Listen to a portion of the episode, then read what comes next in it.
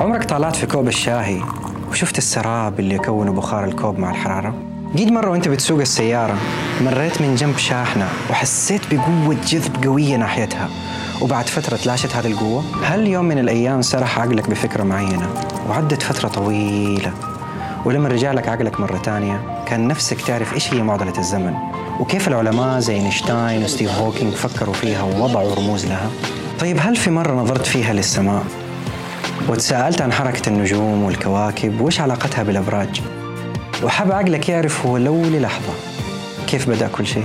أنا عبد الجليل رياضي. ححاول إني أشرح لك وأبسط لك النظريات والقوانين الفيزيائية المعقدة وأحكي لك حكايتها بطريقة مختلفة. وفي نيوتن حتسمعوا أفكار نيوتن لكن بأسلوب جديد. وخليكم على السمع. أهلا وسهلا بكم